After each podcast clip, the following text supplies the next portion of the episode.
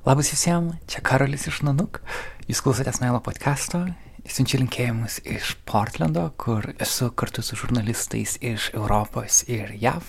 Dirbame čia Oregono universitete. Šiandienos epizodas bus ypatingas.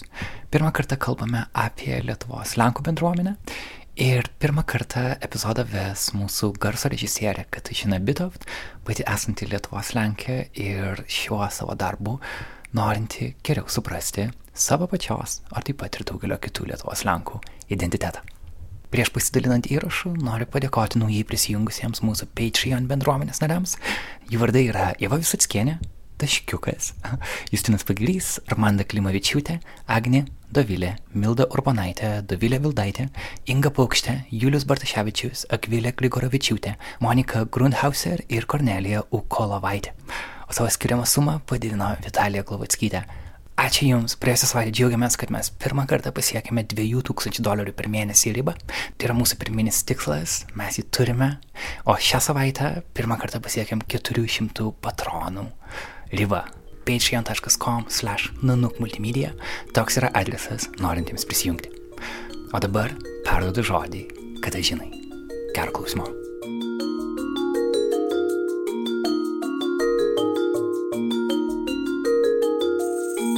Kartais reikia žmogaus iš šalies, kad pamatytum tai, ko nepastebi pats. Kalbant apie Lietuvos Lenkų bendruomenę, toks žmogus buvo Lenkijoje leidžiamo žurnalo Pismo žurnalistas Zbigniew Rokita. Šį sausį jis publikavo straipsnį, kurio pavadinimas lietuviškai išsiverstų kaip Lenkiškumas Lietuvoje pralaimi Putinui. Tai buvo kaip reta išsami Lietuvos Lenkų bendruomenės analizė, neapsiribojanti kaip įprasta tik W raidės klausimu. Ten, be kitų išvalgų, radau man naują statistiką. Lietuvos Lenkų bendruomenė sparčiai nyksta. Statistikos departamento duomenimis 1989 metais lenkiškos tautybės gyventojų Lietuvoje buvo 258 tūkstančiai. Po kiek daugiau negu 20 metų jų liko tik 200 tūkstančių. Šiandien jų mažiau nei 163 tūkstančiai. Per ketverius metus bendruomenė prarado 37 tūkstančius narių, arba po 25 žmonės per dieną. Nors Lenkų tautinė mažuma Lietuvoje yra gausiausia, tokiu tempu po 20 metų Lietuvos Lenkų liks vos 50 tūkstančių. Taip, dėl emigracijos Lietuvoje sumažėjo visų grupių gyventojų, ne tik Lenkų.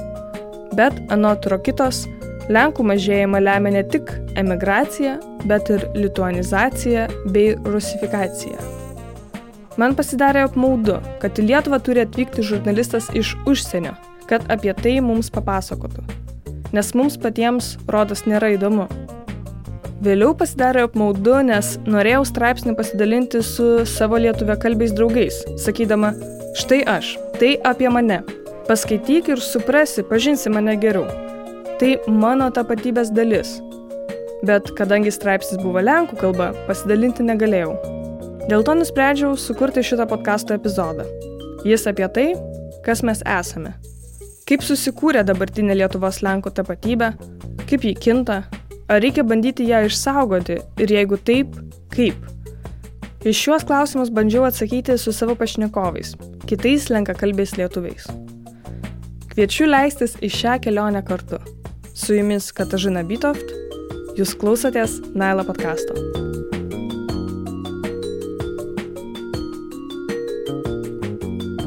Pirmajam pokalbiui pakviečiau du Vilniuje įkurto Lenkų diskusijų klubo narius. Šis klubas, kitaip žinomas kaip LDK, siekia mėgsti dialogą tarp Lenkų ir Lietuvių. Klubų moto Lietuvos Lenkai turi būti lojalūs Lietuvos piliečiai, bet kaip lojalūs piliečiai, jie turi teisę reikalauti, kad jų kalbinės ir tautinės teisės būtų gerbiamos. Paklausiau jų, kaip jie save identifikuoja. Aleksandr Radčenko, vienas iš Lenkų diskusijų klubo steigėjų, publicistas, politikos apžvalgininkas, žurnalistas. Marijus Antonovič, Lenkų diskusijų klubo narys, Vautas APMI dėstytojas. Aš save kaip Lietuvos Lenką pristatau visą laiką. Aš pamenu, aš studijavau Lenkijoje, Gdańskė ir tuo metu buvo labai daug studentų iš vakarų Baltarusijos, iš vakarų Ukrainos, iš Lietuvos, Lenkų kilmės studentų. Tai kolegos iš, iš Baltarusijos ir Ukrainos, jie pristatinėdavosi kaip, kaip baltarusas arba ukrainietis. Na, galbūt pridurdavo, kad Lenkų kilmės ir panašiai. O mes, mat, iš Lietuvos, visi prisistatinėjom kaip Vilniečiai arba jo Lietuvos Lenkai. Tai ta prasme, man priimtinesnė būtent formuluoti Lietuvos Lenkas. Ne visai galiu tapatinti su, su, su, su Lenku iš, iš Lenkijos ir kita vietos aš ne, nesu tikrai lietuvis. Tai man ta va tokia rybinė tapatybė yra labiau prieširdies ir manau labiausiai atitinka mano, mano vidinę tą, tą, tą būseną. Tai norėčiau pradėti pokalbį nuo to, kad mūsų visų gimtoji kalba yra lenkų kalba, bet mes kalbame lietuviškai ir man asmeniškai tai yra labai keista, nes šiaip susitikę kur nors nestudijoje mes turbūt kalbėtumėm lenkiškai. Kaip jūs jaučiatės šio klausimu? Nežinau, normaliai, šiaip būna dažnai situacijų tokių, kad kažkokį hobį užsiimi ar darbę, ar kažkur tu matai, kad yra žmogus įtari, kad turbūt lenkiškas vardas, lenkiškas pavadė ir tu nežinai, kad norėtum jį kreiptis lenkiškai, bet nežinai, ar jis moka, ar jis tapatinasi, ar jis save laiko ir negali iškart žmogaus ten klausti, ar tu lenkas, nu, nes tai vis tiek yra toksai privatus dalykas, intimus dalykas. Tai irgi, arba pavyzdžiui, nu, aš turiu pažįstamą žmogų, tokį Zbignevą, jis, yra, jis save laiko Lenku, jis rašo Facebook'e, kad Liet... gyvena Vokietijoje, rašo Facebook'e, kad Lietuva yra ksenofobiška valstybė, nenori čia grįžti, bet lenkiškai nešneka, nes baigė lietuvišką mokyklą, šeimoje nekalba lenkiškai, bet tai, tai, kad mes šnekam lenkiškai, nėra visiškai jau toks keistas, jau absoliučiai keistas ir sunkiai suvokiamas dalykas, bent jau man. Na, man atrodo, kad e, Lietuvos viešajam gyventi visai normalu kalbėti lietuviškai. Man, pavyzdžiui, na, jau dabar žymiai paprasčiau, pavyzdžiui, kažkokiam profesiniam temom, aš dar paminėjau, kad esu dar ir teisininkas ir iš esmės iš to gyvenu ir uždirbu atlyginimą. Tai, na, teisiniam temom man paprasčiau jau kalbėtis lietuviškai negu lenkiškai ar rusiškai, nes, nes tiesiog jau atitrukau nuo, nuo tos terminijos ir, ir, ir panašiai, bet, bet privačiam gyvenime man, pavyzdžiui, keista, kai susitinka du Lietuvos lenkai ir kalbasi tarpusavį lietuviškai arba rusiškai. Ta man sunku suprasti iš tikrųjų. Pakalbėkime apie stereotipus. Dažnai lietuviai savo lenkakalbius bendrapiliečius mato kaip mažiau išslavinusius. Tai iš dalies tiesa. Procentaliai pagal tai, kiek žmonių turi aukštą išsilavinimą, esame antri nuo galo - po Romų lenkakalbės mokyklos yra laikomos prastomis. Tai patvirtina 2018 metais paviešinta Lietuvos tautinių mažumų švietimo būklės analizė. Anot jos, nors Lenkų tautiniai mažumai Lietuvoje yra suteiktos geriausios sąlygos lyginant su Lenkų tautinės mažumos padėtimi kitose šalyse, tarptautiniai tyrimų paskutinių ciklų rezultatai rodo, kad besimokančių Lenkų kalba mokinių pasiekimai daugelį stričių yra reikšmingai žemesni nei besimokančių rusų ir lietuvių kalbomis ir nei vidutiniškai šalyje. Neretai manoma, kad Lietuvos Lenkai prastai moka lietuvių kalbą ir dirba praščiau apmokamus, mažiau prestižiškus darbus. Tuo tarpu Lenkijoje žmonės apie Lietuvos Lenkus arba visai nieko nežino, arba įsivaizduoja jos kaip kenčiančius nuo piktų lietuvių nacionalistų, kurie negailestingai riboja jau tautinių mažumų teisės. Deja, šį aukos stereotipą išnaudoja ne tik politinės jėgos, bet neretai juo įtiki ir patys Lietuvos Lenkai. Kodėl taip yra? Manau, kad jo iš vienos pusės daug kas laiko save auka ir, ir tai yra patogu, nes, nes galima numesti iš nuo savęs dalį kalties dėl, dėl nelabai sėkmingo galbūt gyvenimo ar, ar dėl to, kad ne, nepadarai karjeros ar dar kažko, tai nes, na, iš tikrųjų lietuviai trukdo, ar ne? Nu, nu tiesiog, bet paprasčiausia, ar ne? Kodėl uh, nežinau, ten kokiu nors skyriaus vedėjų tapo lietuvis, o ne aš, nu, tikriausiai dėl, dėl tautybės, tai yra pirmas, ne, negi ieškosi savyje kalties ir, ir kad, kad tu kažko nepadarai, nemoki ir, ir panašiai. Antras dalykas, aš manau, kad yra ir, ir kitas stereotipas, lygiai taip pat gyvas ir Lietuvos Lenkų tarpė, kad, kad tai mes atnešėm čia civilizaciją, krikščionybę, ir panašiai. Ir toks yra, e, na, tokio vyresnio brolio irgi kažkoks kompleksas, kad, kad na, vat, vyresnis brolis, kuris kadaise buvo vyresnis, dabar tapo mažesniu ir, ir, ir tai irgi sukuria visokiausių tokių, na, probleminių klausimų. Tai čia, vat, vat toks mišinys iš tikrųjų visokiausių kompleksų. Viena vertus tokio, tokio nepilnavertiškumo, o kita vertus tokio, vat, pasikėlimo. Ir, ir jis ir sukuria tokią, vat, tarpę, kurioje labiausiai laimi būtent tokie politikai kaip Tomaševskis. Jis žiauriai gerai žaidžia su visais tais stereotipais ir, ir kompleksais, kurie yra Lietuvos Lenkų bendruomenėje. Tai bendrai žmogiško psichologija, man rodos, yra tokia, kad kiekvienas turi, na, nežinau, ar instinktą, ar dar kažką, tai pirmiausia save traktuoti kaip auką, kaip nuskriustą ir dar kažką. Ir kad čia reikia ir dvasinių, ir psichologinių, nežinau, pratybų ir panašiai kad, nu, pirmiausiai pradėtum nuo savęs žiūrėti. Tomas Vesla, kai jis kalba apie Lietuvos, Lenkijos, Lietuvių, Lenkų santykį, visą laiką sako, aš visą laiką pradedu nuo savų. Tai aš pradedu nuo Lietuvių, tai kai aš pradedu nuo...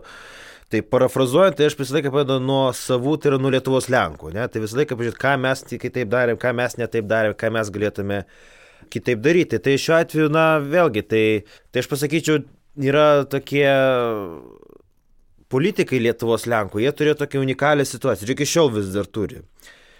Nesvarbu, ką jie darytų, jie ir taip gaus labai daug balsų, nes žmonės balsuoja etniškai. Vat Lenkai už savus. Ir tada, kai tu esi politikas, tu turi tokius du kelius, kuriuose eiti. Vienas, tai tu gali eiti ir sakyti, vat, kadangi mane ir tiek prabalsuos, aš galiu padaryti visokius kažkokius nerealius dalykus. Reformuoti kraštą, reformuoti valstybę, kažkokius inovatyviškus dalykus, kuriuos gal žmonėms ten nepatiks, bet vis tiek Lenkai iš Lenkus balsuoja prabalsus.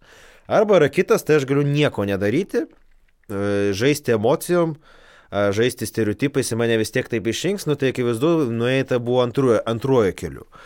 Tai vėlgi, tai jeigu žmogui yra labai sunku, ne, atsisakyti aukos sindromo ir išmokti pradėti nuo savęs, tai dar jeigu mes kalbame apie kolektyvinės bendruomenės, apie socialinės grupės, apie politinės tautas, apie, apie kažkokias politinės grupės, tai yra dar sudėtingiau imtis uh, tokios uh, savirefleksijos. Tai aišku, tai tas, na, aukos uh, aukos sindromas, jisai yra, nu, nu ta prasme, gajus. Nu, netgi pažiūrėkite, man tai aišku, tai yra komiška. Vilnius rajono, Vilnius krašto lietuvių politikai pradeda sakyti, kad mes esame mažuma Vilnius ir Šalčininkų rajone ir čia mes esame diskriminuojami.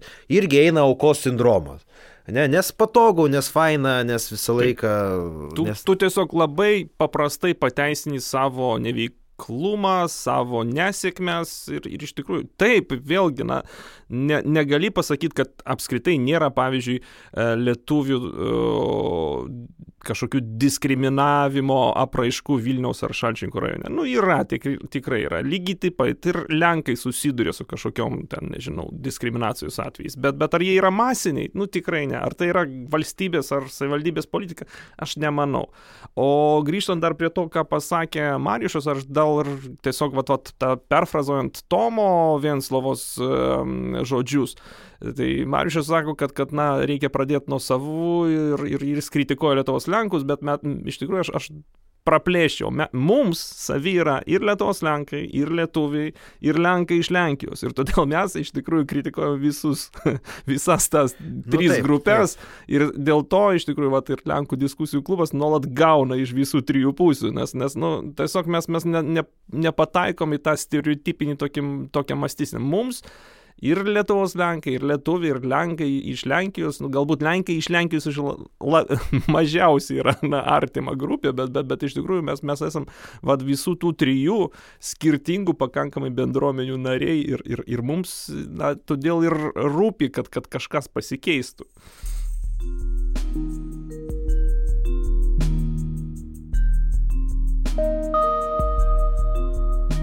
Mariušas paminėjo, kad yra tokių Lietuvos Lenkų politikų, kurie, ką bedarytų, visada surinks daug balsų, nes Lenkai balsuoja už savus.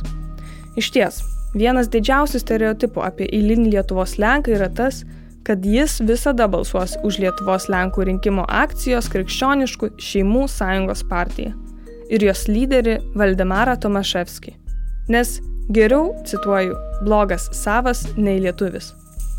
Kadangi Tomaševskis yra be nežinomiausias žmogus reprezentuojantis mano tautinę bendruomenę ir turi be nedaugiausiai įtakos šios reprezentacijos formavimui politinėje arenoje ir žiniasklaidoje, man buvo svarbu išsiaiškinti, kaip ir kodėl jis atsidūrė tokioje galios pozicijoje. Ir kodėl vis dėlto neretai Lenkai iš ties balsuoja už Lenkus aš tiesiog labai subjektyviai, kaip, kaip žmogus, kuris tiesiog stebi šitą visą mm, politinį žaidimą jau 20, daugiau negu 20 metų ir rašo apie, tiesiog pasakyčiau, kad taip, Tomaševskis yra geras politinis taktikas. Jis tikrai sugeba a, suprasti akimirksnių, kokios yra nuotaikos ir prie jų prisiderinti ir ant jų sužaisti. Kai tiesiog, na, santykiai tarp Lietuvos ir Lenkijos ar tarp Lietuvių ir Lenkų šiek tiek liberaliai atšyla, jis irgi šiek tiek tonuoja savo pasisakymus. Kai uh, yra konfliktas, jis lygiai taip pat puikiai panaudoja konfliktą, didinant savo rinkėjų mobilizaciją. Bet aš gal atkreipčiau dėmesį, kad tas vat etniškumas, balsavimo etniškumas, balsavimas už savus, jis yra, nėra kažkoks išskirtinis Lietuvos atvejis. Tai yra tiesiog visur, visur mažumos balsuoja už savus. Aš per, prieš porą savaičių buvau susitikime su Virginija Ramos, tai yra Aleksandrijos Oktavijos Kortes, žinomos e, JAV kongresmenės e, demokratijos e, rinkimų štabo vadovė. Ir jinai aiškino, kad New York'e lygiai taip pat, kadangi Aleksandrija Oktavija Kortes startavo, kandidatavo rinkimų apygardai, kur maždaug pusė rinkėjų sudaro ispanokalviai, ar ne, latinai, Tai ten iš tikrųjų tas balsavimas irgi už savus. Tai ta prasme, vat, vat mažuma ta, e, kalbantį ispaniškai, jinai balsuoja lygiai taip pat. Na, ta prasme, yra ma, mūsų kandidatė su, su tokios etinės kilmės ir jiems nesvarbu, ar jinai demokratė ar respublikonė, na, tiesiog jie balsuoja už ją. Ir todėl būtent jie ir gavo labai daug balsų ir, ir, ir pagaliau laimėjo. Tai ta prasme, nėra čia nieko išskirtinio. Klausimas tik, vat, apie ką ir Marišas kalbėjo, kaip etninis resursas, etninė mobilizacija yra panaudojama. Ar jinai panaudojama reformoms, proveržiui, gerinant santykius tarp daugumos ir mažumos, ar, ar tiesiog konflikto eskalavimui. Bėda, man rodos, tame, kad, kad taip, žmonės paprastai elgesi racionaliai ir, ir ta pozicija, kad, kad na, jeigu neišrinksim savų, ateis lietuvių ir jie kažką pakeis į mūsų nenaudą, jinai turi pagrindą.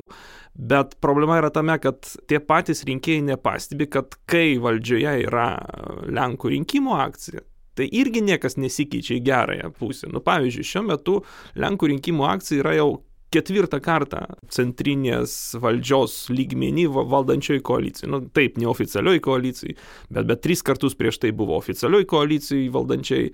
Vilniuje valdo jau nuo 2000 berots trečiųjų metų, na, beveik be, be, be, be nenustodama, nu, ten su kelių metų pertraukomis.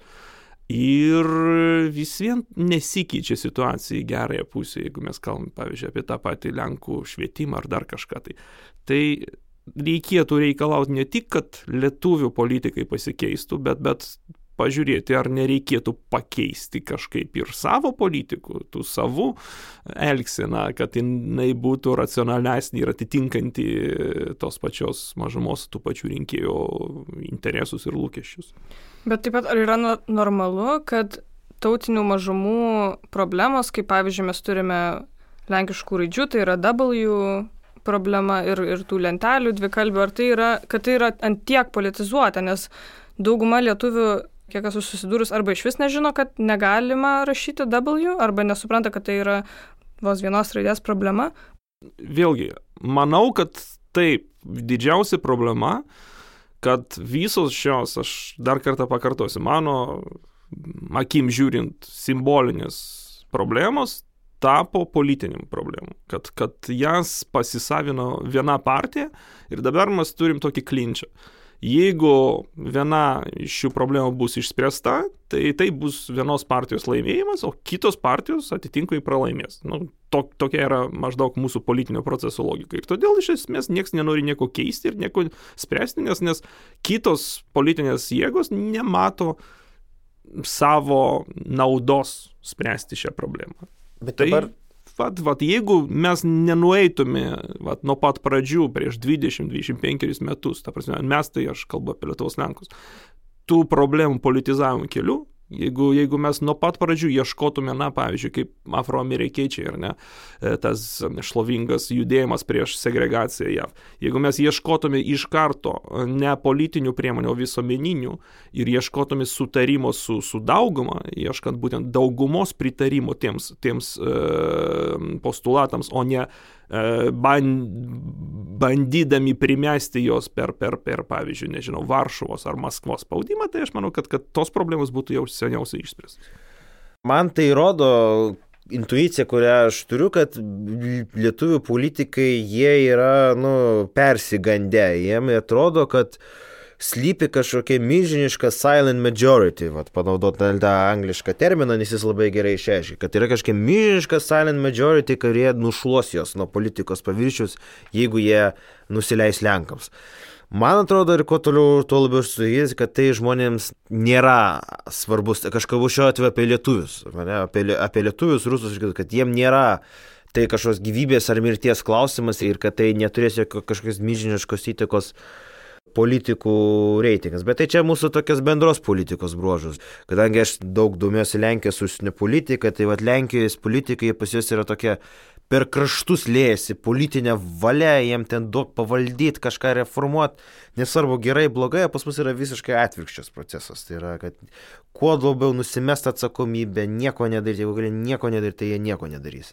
Ir jeigu tik yra kažka, kažkoks, kažkokia rizika, jie išpučia ir Ir iš to padaro, iš to padaro dramblį šioje vietoje. Aš tiesiog dar tęsiant tą mintį apie Silent Majority, per savivaldybių tarybų rinkimus socialdemokratai darė tokius neoficialius savo tyrimus, kurie parodė, kad iš esmės nei, pavyzdžiui, gėjų problemos, ar kaip čia pasakyti, jų, jų teisių e, realizavimo sprendimas, nei tautinių mažumų problemų sprendimas daugumai rinkėjų neturi jokios įtakos. Ta prasme, jeigu kandidatai pasisako už, pavyzdžiui, tų pačių seksualinių tautinių mažumų sprendimų, problemų sprendimą, tai neatbaido rinkėjų nuo, nuo balsavimo. Ta prasme, tie klausimai rink, lietuvių rinkėjų jau nėra mm, kertiniai pasirenkant kandidatą. Ir, ir, ir tai, manau, yra sveiksiančios visuomenės brožas. Ir grįžtant prie Tomaševsko, aš bandau suprasti, kaip viena partija sugebėjo e, kažkaip įtikinti Lenkiją, kad jinai reprezentuoja visus Lenkus ir kad mes esam aukos. Ir tada dar viską taip eskaluoti, kad dabar dauguma galvoja, kad visi Lenkai iš tiesų yra už Tomaševskį. Tarsi, iš karto asocijuoja kažkaip. Čia yra keletas aspektų. Čia visą tai prasidėjo nuo Tusko ir Sikorskio laikų, nes Kačinskio ir Košnevskio laikais tai galbūt buvo žiūrima į santykius su Lietuva, kad yra Lietuvos Lenkai, yra energetika, yra kiti klausimai ir kad tai yra kompleksiškai. Tuo atveju tos Tuskas ir Sikorskis pas juos buvo tokia vizija, kad mes dabar einam su vokiečiais, su prancūzais bendrauti iš vis į mažas valstybės nelabai kreipė dėmesio. Jiem atrodė, kad tai yra mažai reikšmingas dalykas. Ir čia ne tik apie Lietuvą eina kalba. Čia, taip sakant, kadangi likusi darbo tvarkė buvo susiaurinta, liko šitie Lietuvos Lenkų klausimai. Nes iš esmės Lenkijai žmonės netiek daug žino apie Lietuvos Lenkos Lenkiją. Ir toksai jų žinių protrukis jis įvyko 2010-2011 metais, kai buvo labai daug apie tai rašoma, labai daug apie tai kalbama ir tada va iškyla ir Tomaševskis. Ir dabar yra va, tas paveikslas susiformavęs ir gan tvirtas. Ne? Tai va, kai ten pakalbė su bičiuliais iš Lenkijos, tai jie ten važiuoju į Lietuvą, ai, nu tai ten Lenkus muša. Ne? Tai va čia yra gan neseniai susiformavęs yra stereotipas. 2010-2011 metais, kai buvo va, tas švietimo įstatymas. Bet vėlgi, antras punktas, tai tas švietimo įstatymas, kai buvo suvienodintas egzaminas lietuvių kalbos. Vėlgi, aš nesu prieš, normalu, daugybė valstybių reikalauja, bet tai tu įvesk normaliai, duok pereinamą į laikotarpį, paruošk vadovėlius, paruošk specialistus. Buvo nepadaryta, buvo labai trumpai padaryta, trumpas pereinamasis laikotarpis ir iš esmės labai daug nu, Lenkų bendruomenės lyderių ir kažką jie nelabai turėjo pasirinkimo, kaip ir vienytis ir kovoti prieš tai. Aš gal tris, tris momentus čia išskirčiau. Uh, pirma, Tomaševskis, ką mes jau ir nekartą minėjom, jis tikrai labai geras politikos taktikas. Jis nestrategas, jis neturi kažkokios vizijos, jis neina link kažkokios tai idealios valstybės ar idealios bendruomenės, bet vat pakovot, mobilizuot rinkėją tam tikrų momentų, kai to jam reikia, kad laimėt rinkimus, jis, jis tą sugeba. Ir iš tikrųjų jis kryptingai nuo maždaug 90 gal kokių šeštų metų jis kryptingai ėjo link savo dabartinės pozicijos tokio nekvestionuojamo Lenkų bendruomenės Lietuvoje lyderio. Jis e, kryptingai palaipsniui naikino bet kokią opoziciją Lietuvos Lenkų bendruomenės toj erdvėjai. Ir, ir taip, taip, jam, jam tai neblogai pasisekė. Neblogai pasisekė dėl tų dviejų momentų, apie kuriuos jau Mariušas minėjo. Tai pirma, Lenkija šiek tiek, na, palaidžiai tai žiūrėjo, galbūt netgi rėmė, nes, nes, na, tiesiog Lenkijos valstybė yra patogu turėti vieną uh, kaip čia pasakyti, partnerį Lietuvos Lenkų tarpį, o nekalbėti su 50 ar 60 susi, susipriešinusių tarpusavio organizacijų, kaip yra, pavyzdžiui, e, JAV, Kanadoje ar dar kažkur. Tai kai, kai iš tikrųjų ten na, nu, nežinia, ką daryti, nes, nes, nes tu gali sukviesti visų tų bent jau pagrindinių organizacijų lyderius į, į vieną kamerį, bet jie niekada nesusitars dėl kažkokių prie. Čia galim pakšnekėti su, su Tomaševskiu ir, ir, ir visi klausimai yra išspręsti, nes nėra daugiau su ko kalbėtis. Ir iš tikrųjų Lenkija, vat, irgi parėmė tokį, tokį konsolidavimo modelį, dabar turi su to problemų, nes Tomaševskis jau dabar nelabai nori Varšuvos klausytis ir, ir dabar jau matom, kad Varšuva ieško galimybių kažkaip tai uh, tą, uh, na nežinau, ieškoti kažkokių kitų kanalų kalbėti su, su, su Lietuvos Lenkų bendruomenė. Ir trečias dalykas, tai be abejo lietuvių politiniai sprendimai, kurie, na, sugebėjo vat, mobilizuoti tą, tą Tomaševskio elektoratą. Uh, O kita vertus ir tiems patiems lietuvių politikams buvo labai patogu kalbėti su vienu Tomaševskiu. Tai čia galit bet kurį vat, iš, iš valdančiųjų paklausti, ar, ar, ar ponas Kvernelė, ar Pranskėtė, ar Šimašių. Visur ten, kur Lenkų rinkimų akcija yra koalicijoje, ar, ar formalioje, ar neformalioje, jie balsuoja taip, kaip sutarė. Ta prasme, jeigu tu sutarsi su Tomaševskiu, visa jo frakcija balsuos taip, kaip, kaip reikia. Skirtingai negu kitos frakcijos, kuriuose ten skirtingi seimo ar savivaldybės tarybos nariai gali balsuoti taip, kaip jiems atrodo ir, ir reikia tartis su kiekvienu atskirai. O čia tarėsi su vienu žmogum ir, ir, ir iš tikrųjų turi bal, ten 8 ar 10 balsų. Galų gale mes turėjome Lenkų diskusijų klube gal 2 ar 3 kartus Valdemaro Tomaševskis su Lietuvos politikais kai baigėsi debatai, visiškai neformalus laisvas bendravimas, puikiai bendrauja, nėra jokio priešiškumo, jie, jie, jie taip sakant, lietuvių politikai laiko kaip savo politinės sistemos dalimi, jis užima va tokią nišą, mes užimam tokią nišą tam tikrą prasme bent dalis Lietuvos politikų irgi tai žiūri ir žaidžia kaip tam tikrą žaidimą, kuris yra abipusiem naudingas. Ne, va tas, kaip Aleksandras minėjo, elektorato mobilizavimo, ne vieni saviem tikslams, kiti kitiem tikslam tą naudojo. Tas priešiškumas reikia skirti, kaip čia sakas, yra darbiniam lygmenį, retoriniam lygmenį truputėlį skiriasi šioje vietoje. Pagalvojau, ką reprezentuoja Tomaševskis, nes iš tiesų Lietuvos Lenkai nėra monolitas, yra daug skirtingų grupių bet vis dėlto turbūt jo rinkėjai iš tiesų pasitikė ir, ir jis reprezentuoja juos. Žinot, yra kvailybė, yra tokia išleista knyga Kvailybės enciklopedija. Tokia faina knyga, kuri pasako apie gyvenimo ir politikos paradoksus.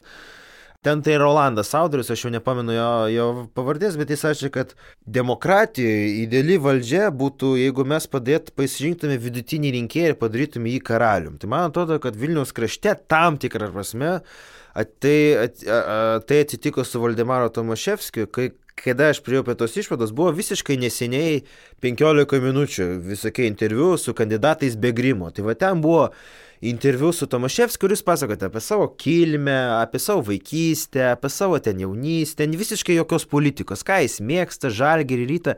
Ir kai aš čia viską taip pasiskaičiau, nu, matys iš tiesų va, atitinka va, tokį didžiai dalimi tokį statistinį Lenką kultūrinę, pasaulyje žiūrinę prasme kad, nu, jis iš tiesų, va, at, visiškai toks yra, toks, va, jie daug Lenkų iš tiesų, va, jame mato, nu, tokį, ten daug kažkaip apibrieštai už krikščioniškas vertybės, už lenkiškumą, nes ten labai retas Lenkas ten užsima visokiais niuansais, Pilsutskis, Dumovskis, Vitošas, ten dar kažkas.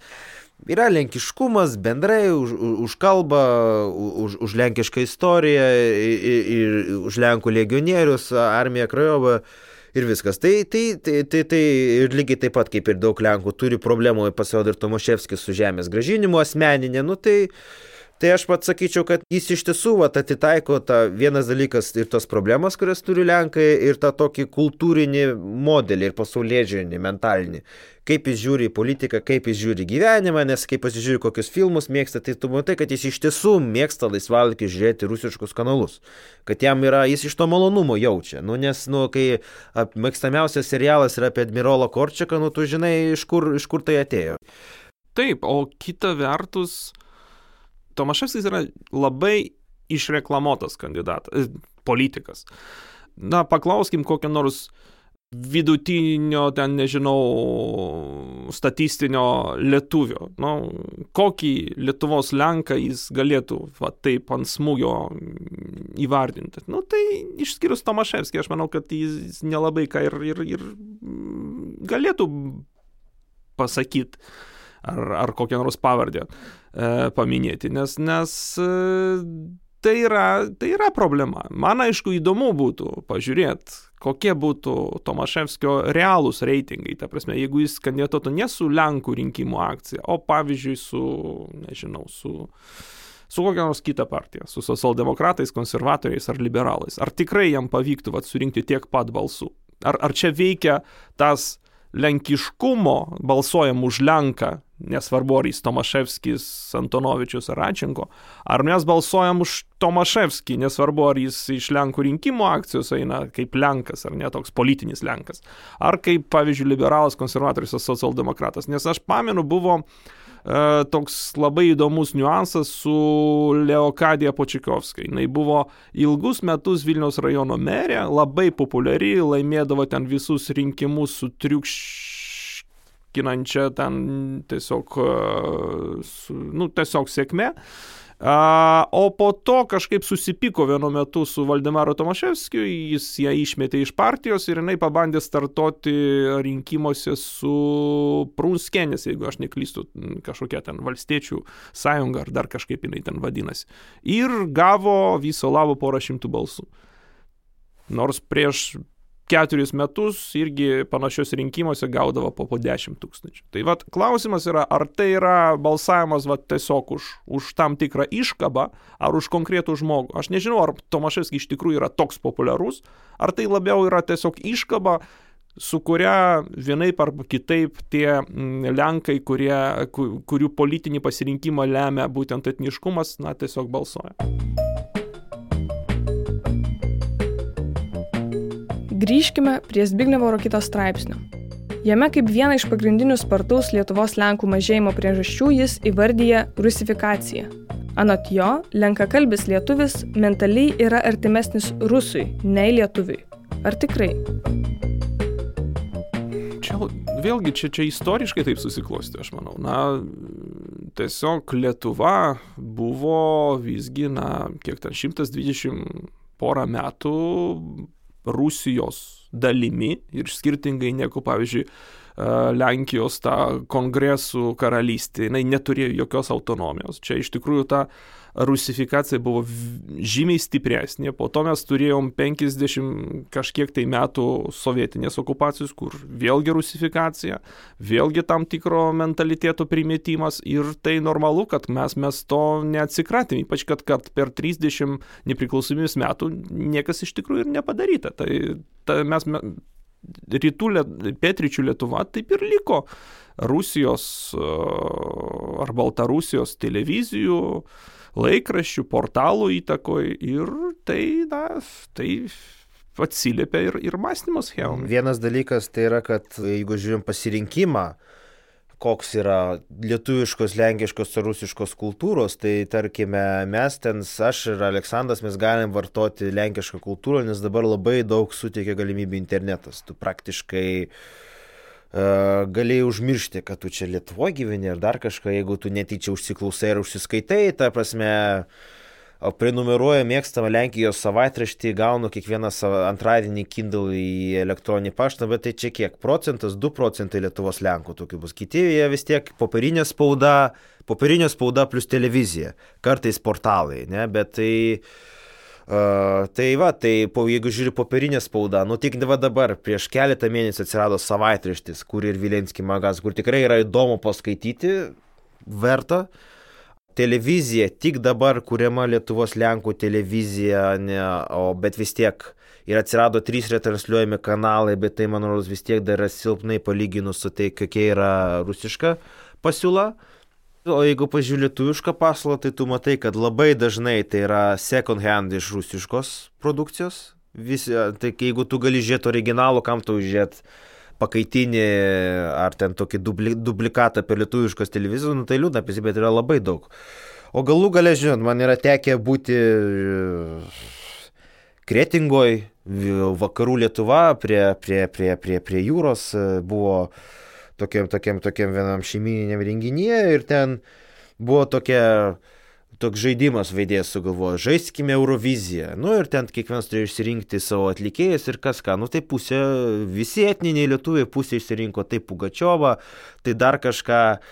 Ta prasme, man rodos, žinot, bėda yra ne tik, kad e, statistinis Lietuvos Lenkas yra artimesnis rus, rusui a, iš Rusijos negu lietuvių, bet kad manos, kad ir statistinis lietuvis ir statistinis Lietuvos Lenkas yra artimesnis Rusijai iš Rusijos negu vokiečiui, švedui ar ispanui. Problemos mastas yra gilesnis negu jis atrodo iš pirmo žvilgsnio nes ta rusiškos mąstymo, rusiškos tokios nu, kremliško mąstymo, nebūtinai ten krimnaž, bet, žinai, požiūrį, po, kaip požiūris į gyvenimą, požiūris į tam tikrą politiką, dar kažką, jisai yra gajus labai plačiai visoje Lietuvos visuomenėje. Ir čia kas ten, Klaipėdos greitinėlė, Vilnius greitinėlė, bet kaip važiuoja plačiau, tai matai, kad schemos atsikartoja absoliučiai.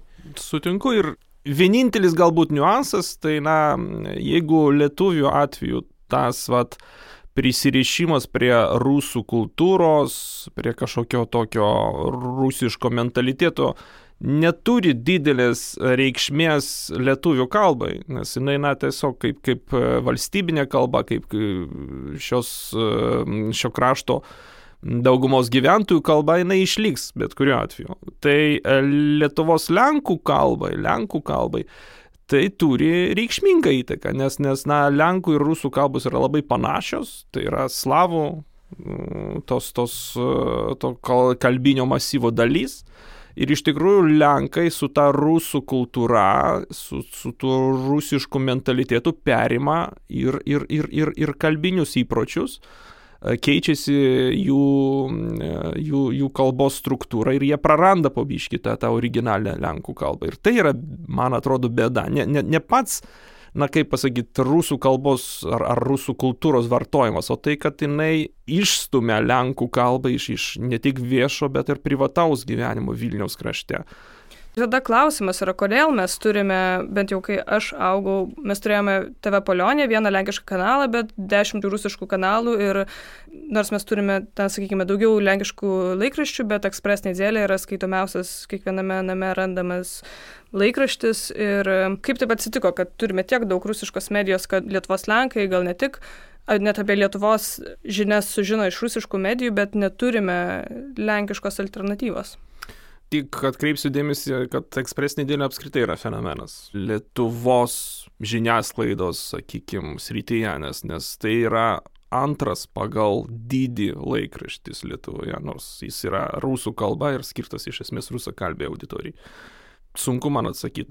Taip, aš galiu pasakyti, kad na, buvo padarytos tam tikros klaidos 90-ųjų metų kažkur viduryje. Ar ne, nu, ta prasme, kai buvo nutrauktas, pavyzdžiui, TVP to pirmojo kanalo transliavimas Lietuvoje, jis, jis buvo labai populiarus ir iš tikrųjų aš mačiau tuo metu, man jau buvo kiek ten po, po 16-19 metų, aš, aš tiesiog mačiau, kaip jis atsirado ir kaip padidėjo tiesiog vat, supratimas ir tarp Lietuvos Lenkų apie šio laikinė Lenkų kultūra, kaip didėjo iš tikrųjų e, Lenkų kalbos vartojimas, kaip didėjo um, Lenkų mokyklų mokinių skaičius. Aš ne, ne, nesėjau tik su, su, su, su, aišku, televizija, nes, nes buvo ten daug kitų priežasčių, bet, bet va, tuo metu, maždaug nuo 89 iki 90 kažkur 5 metų, mes, mes tikrai matėm procesą, kai, na, tokį, tokį didžiulį Lenkų atgimimą, bet, bet lygiai taip pat didėjo ir, ir tarp lietuvių supratimas apie šio laikinę Lenkų kultūrą. O po to, be abejo, tos, tos televizijos nutraukimas ir apskritai tas, tas nusivylimas visko,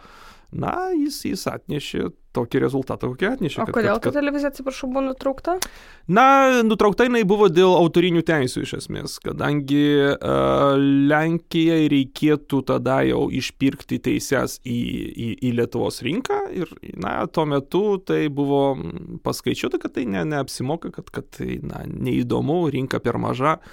Ir, ir, ir panašiai, ir, na, tiesiog niekas nenorėjo to, to užsiimti ir tada buvo sugalvotas kitoks modelis, kad iš tikrųjų pasiūlysim Lenkams, kurie gyvena užsienyje, na, kažkokį tokį mm, pakaitalą, TFL Polonijos e, pavydalu, na, bet jis tiesiog pas mus jis neprigijo, tiesiog jis buvo skirtas, na, labiau, e, labiau, labiau emigrantams, tiems, kurie turi kažkokią nostalgiją seniems geriems laikams, o, o, mums reikėjo būtent kažko tai šio laikinio, Ir tada į tą nišą įėjo tiesiog, na, Rusijos kanalai. O Rusijos kanalai populiarūs, nes ir Lenkai gali suprasti, ir Rusai, ir Lietuviai. Taip.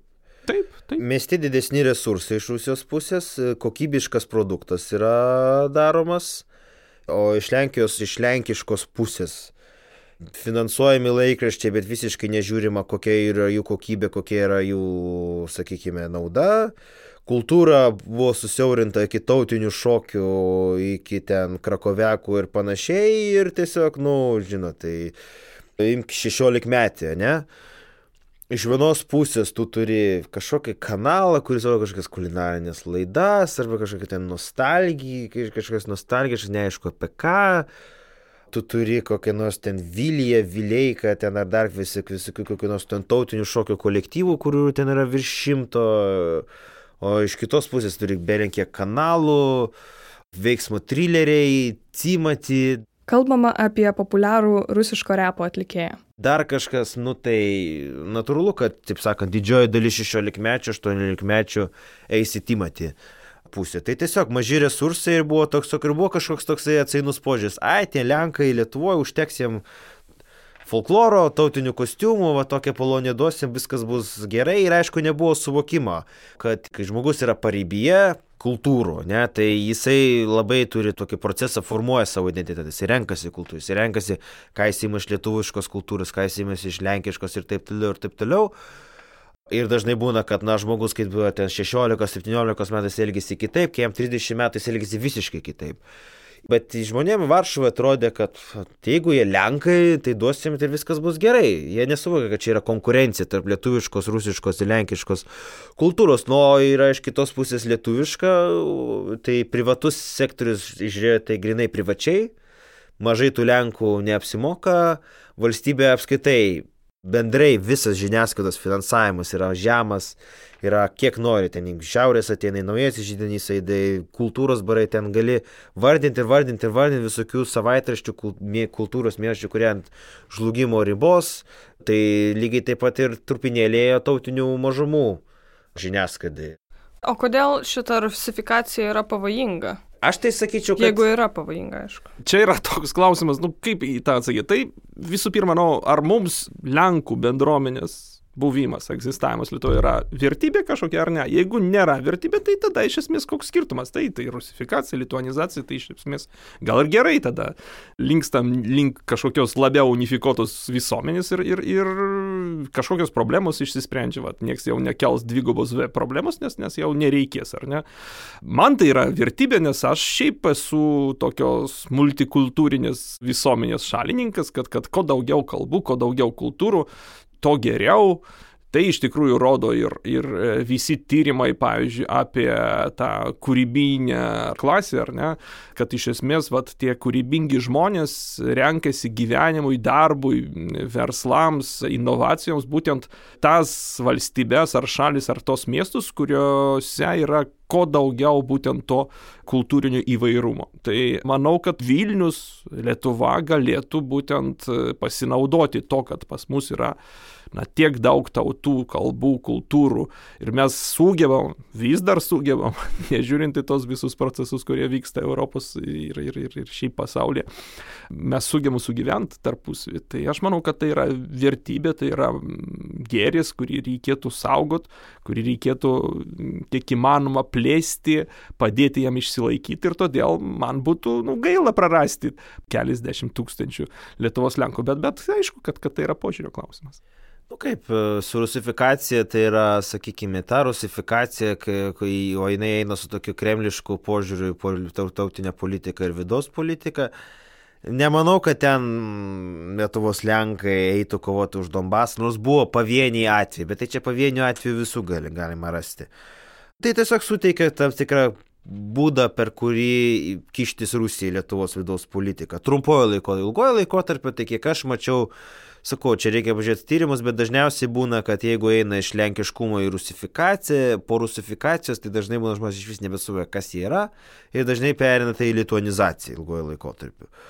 Aš galiu pacituoti mano vienos tokios labai artimos bičiulis, Vilnietis, jinai man kažkada pasakė, sakė, žinai, jeigu Vilniui nebus tų, neliktų Lenkų, tai Vilnius nebebūtų Vilnių, iš esmės. Bet aš tą patį galėčiau pasakyti, nu, jeigu Vilniui nebeliktų žydų, Vilnius nebūtų Vilnius. Jeigu Vilnius nebeliktų lietuvių, Vilnius nebūtų Vilnius. Rusų, baltarusių, pluralistinė visuomenė, kuri sugeba sugyventi, jinai yra stipresnė, jinai gali daugiau pasiekti.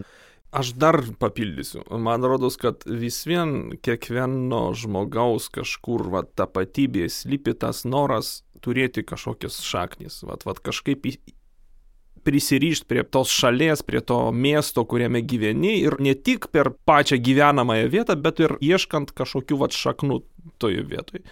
Netgi kalbant apie, apie Lenkiją, kuri iš tikrųjų Europos kontekste yra na, pakankamai homogeniška šalis, uh, netgi ten, jau nekalbant apie emigrantus iš Ukrainos, mes ten matom jau gal 20 metų mm, regionalizacijos procesus, ar ne, atsiranda siliziečiai, atsiranda kažuvų vis daugiau. Ir, ir ta prasme, žmonės vis vien ieško kažkokios mažesnės tapatybės, ta prasme, kuri būtų arčiau to heimo, to, to, tos mažosios tėvynės. Ir lygiai taip pat mes turim, nežinau, Didžiąją Britaniją ir, ir škotų atgimimą, airių, ten dar maž, mažesnių tautų visokiausių, Prancūzijoje mes turim bretonų, normandų ir taip toliau. Tarsi, visgi tos didelės tautinės tapatybės, jos, jos pabiški skaidosi. Tiesiog žmonėms reikia kažko tai arte, artimesnio, ar arčiau vat savęs ir tada na, ta, ta tautinė ar, ar regioninė tapatybė vis vien kažkada na, atsiranda. Jeigu man yra vertybė išlaikyti Lietuvos Lenkų kultūrą, tai ką aš galiu daryti? Dabartiniam 21 amžiaus sąlygom, tai ta, ta, ta santyki, tą, tą, tą ryšį su, su kalba, su kultūra gretimos kaiminės šalies turėti visai, visai netaip ir, ir sunku. Mano laikais, pavyzdžiui, kai, kai aš dar pradėjau domėtis, pavyzdžiui, Lenkų kultūra, tai buvo žymiai sunkiau, nes, nes aš, aš pats esu iš, iš tos pankų visom, bendruomenės, tai, na, 90-ųjų pradžioje rasti kokios nors informacijos apie Lenkijos pankroką Vilniuje buvo gan sunku ir sudėtinga, bet, bet rasdavom per kažką tai, siūsdavo zinus, siūsdavo žurnalus, siūsdavo įrašus ir, ir kažkaip, vat, vat, o dabar tai čia turint YouTube, Facebooką, dar ten Twitterį ir, ir, ir panašius įrankius, tai aš nežinau, tai ta prasme, čia reikia tik, tik noro, man rodos. Na, be abejo, mokyklos, jų, jų kokybė, nu, bet čia jau užduotis ir politikams, ir, ir, ir tų mokyklų bendruomenių lyderiams, bet, bet, bet tą irgi reikia stiprinti, stengtis, tą, apie ką jau Marišus kalbėjo, galbūt um, lietuvė kalbėsi mokyklose Vilniuje arba Vilniaus krašte irgi bent jau sudaryti galimybę mokiniams kažkaip tai mokytis tos lenkų kalbos ir, ir panašiai. Tai čia tų, tų priemonių visokiausių yra, bet, bet visų pirma, man rodos, noro reikia. Vat, vat, čia tos, kaip mes kalbam apie tų Lenkų simbolinių problemų sprendimą, kad ten trūksta politinės valios, tai lygiai taip pat ir Lenkų bendruomeniai trūksta kartais, na, ne politinės, o kokios čia visuomeninės valios išlaikyti tą lenkiškumą. Vat, na, Mariušas yra puikus pavyzdys, jis, jis baigęs Lietuvę kalbio mokyklą, bet, bet išlaikė savo lenkiškumą, Lenkų kalbos žinojimą ir, ir, ir, ir panašiai. Bet yra daug, kurie baigė lenkakalbės mokyklas ir lenkiškai vos su, gali sureksti porą porą sakinių, tai čia Yra įvairių Taip, nes variantų. yra žmonės, nu pavyzdžiui, yra pavyzdžių, tai čia, žinot, kur baigia lenkišką mokyklą, bet po to žmogus nustoja vartoti tą kalbą, jam jinai neberūpi, jam nebeįdomu, arba jis nebeturi jaučio ryšio. Čia ir susijęs su prestižu, ir su praktiškumu. Ir viskas. Ir tu matai, kad jam ten iš tiesų sunkiai sekasi susišnekėti. Pas mus yra labai griežtos ribos tarp įvairių tautinių tapatybių. Man bent jau taip atrodo, kad, na, jeigu tu esi Lenkas, tai tu negali būti vienu metu ir lietuvis, jeigu tu esi lietuvis, tu negali būti vienu metu lietuvis ir rusas. Manau, kad šiaip vakarų vat, pasaulis ir vakarų valstybės šalis, jos juda link tokių taip vadinamų tapatybių per brūkšnelį. Ar ne? Ta prasme, kad tu gali būti vienu metu ir, ir, ir britų, ir škotų, ar prancūzų, ir bretonų, nes, nes iš tikrųjų rybinėse atvejose, kaip, kaip Vilniaus kraštas, kur, kur, na, iš tikrųjų genų prasme, tai čia tikrink mus visus ir rasi ten po, po dešimt visokiausių tautybių labai sunku kartais pasirinkti, ar, ar tu esi iki galo, vat, vat, Lenkas, Lietuvis, Rusas, Baltarusis ar dar kažkas. Vat, man labai dažnai priekaištauja, nu, koks tu Lenkas, ypač iš Lenkų nacionalistų, pavyzdžiui, jeigu, jeigu tavo pavardė yra ukrainietiška, nu taip, senelis kažkuris ten buvo ukrainietis, ar ne, bet, bet, bet iš kitos pusės ten yra totorių, yra lietuvių, yra lenkų, yra baltarusių, yra žydų. Ir iš tikrųjų aš, aš šiaip esu laisvas pasirinkti bet kurią iš tų tapatybių. Taip mano tėvai pasirinko Lenkų tautybę. Nu, ir, ir aš esu Lenkas, nes išaugau toj kultūros kalbos aplinkoje, bet, bet, bet galėjo pasirinkti visiškai kitaip. Aš būčiau dar kažkas ir aš nenorėčiau vat savęs ribot kažkaip ir sakyti, kad aš tik Lenkas. Aš, mano tautinė tapatybė yra šiek tiek platesnė už, už vienos tautybės ją apibriežti. Čia vienas dalykas tai, kad nebūtina gauti kažkokį iš aukštesnės aprobatos. Man irgi vat, atrodo, kad vat, Lietuvos Lenkas, ypač jeigu jis Vilnietis, tai sugeba savyje talpinti ir lietuviškumą, ir baltarusiškumą. Tai čia reikia kažkokios drąsos, galų gale nu, nebijot prisipažinti viešai. Taip, bet kita vertus yra ir dar normatyvinė bazė. Nu, aš, aš tiesiog duosiu labai paprastą pavyzdį. Jeigu aš neklystu, 2000 gal trečiais ar antrais metais buvo Lenkijoje padarytas visuotinis gyventojų surašymas, kuriame pirmą kartą buvo leista, na, tiesiog tautybė pasirinkti ne, ne pagal ten asmens tapatybės dokumentą, o tiesiog laisvai.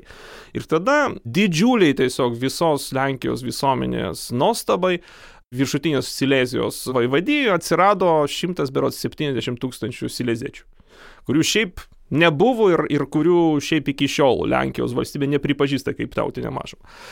Po dešimties metų buvo leista mm, surašymo metu nurodyti tapatybę per brūkšnį. Nu, ta prasme, Lenkas, Vokietis, netapatintis tik su viena tautinė grupė. Ir tada jau Silezijai, tų sileziečių tokių, kurie nurodė tik vieną tapatybę, buvo 170 vėlgi tūkstančių, bet su, su tokiom jau platesnėm tapatybėm, pavyzdžiui, silezietis Lenkas, silezietis Vokietis, jų atsirado jau 700 tūkstančių. Vat jeigu mes dodam per normatyvinę bazę irgi galimybę pasirinkti, mes matom, kad žmonės iš tikrųjų tada pradeda rinktis drąsiau. Ir, ir tada mes suprantam, at kiek mūsų tie kraštai, mūsų, mūsų šalis nėra homogeniškos, ant kiek žmonės visgi turi tokį multikultūrinį klodą savyje.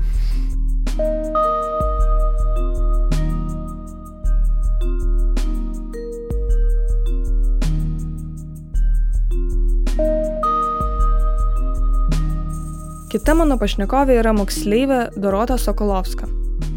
Aš esu Dorota Sokolovska, dvyliktokė Vilniaus Vladislavos Rakominės gimnazijos.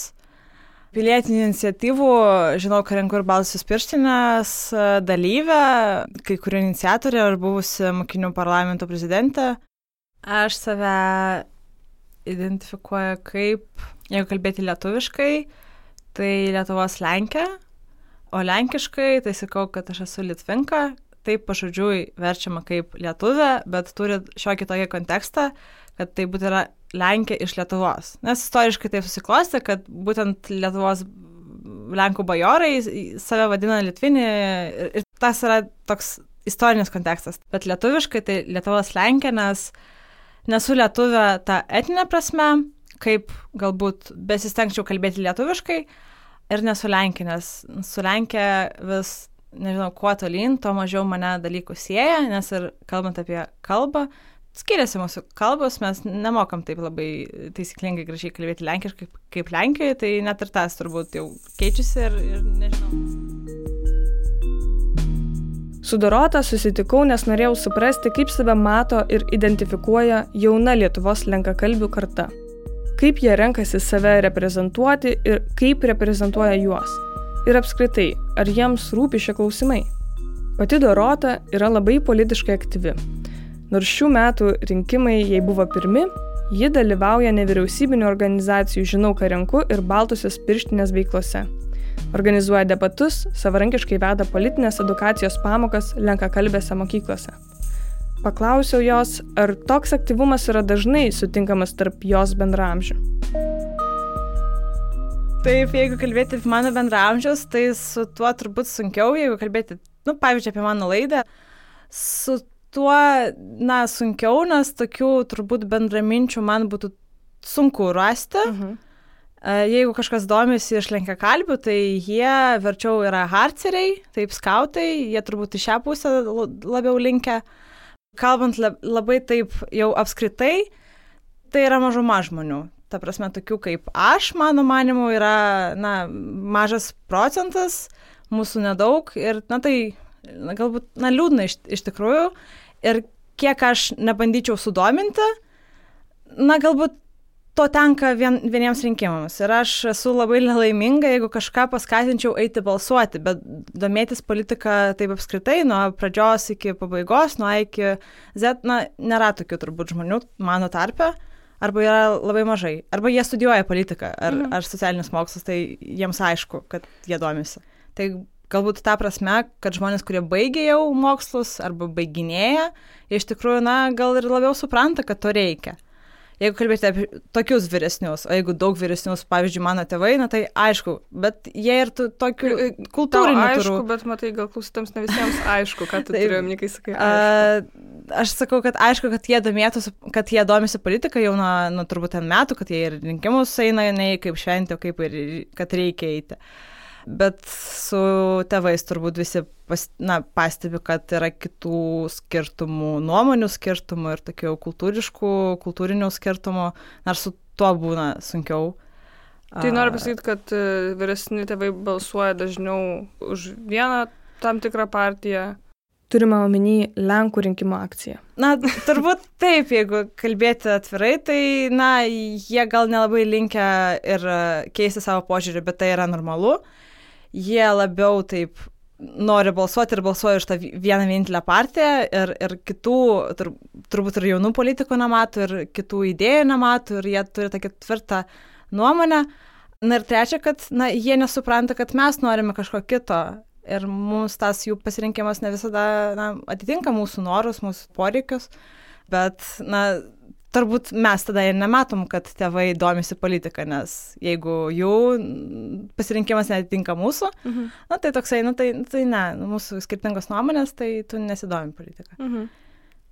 Aš įsivaizduoju, kad yra ir jaunesnių žmonių, kurie mato, kaip balsuoja jų tėvai, arba nebalsuoja, nes ką tu čia gali pakeisti, nieko nepakeisi. Ir taip pat balsuoja už tą vieną partiją, arba neina balsuoti. Tai nes tu sakai, kad dauguma vyresnio mm, amžiaus žmonių yra linkę balsuoti už tam tikrą partiją, o jaunimas tarsi balsuoja už kažką kito. Bet kokių dar variantų yra? Tokių e, variantų kitokių yra, bet aš pati turėjau tokią nuomonę, jog na, yra ta rizika, jog jauni žmonės balsuos taip, kaip jų tėvai, kaip jų mačiutė ir taip toliau. Tokią nuomonę turėjau, bet paskutiniu metu jie truputį taip išsisklaidė kai aš klausinėjau savo draugus, savo bendramžius, kurie iš tikrųjų neturi savo tokios tvirtos nuomonės, to, tokio stuburo, ten politinio, socialinio, jie nebalsuos už tam tikros partijos kandidatą, nes jie turbūt jau akivaizdžiai supranta, kad tai nėra ok, kad tai nėra mūsų pasirinkimas, na ir tai būtų jokinga už, už tą žmogų balsuoti. Kodėl jie nebalsuoja? Na čia labai priklauso turbūt, apskritai kiek aš pastebėjau, nebalsuos, todėl, jog jis mato, jog tai nėra lyderis.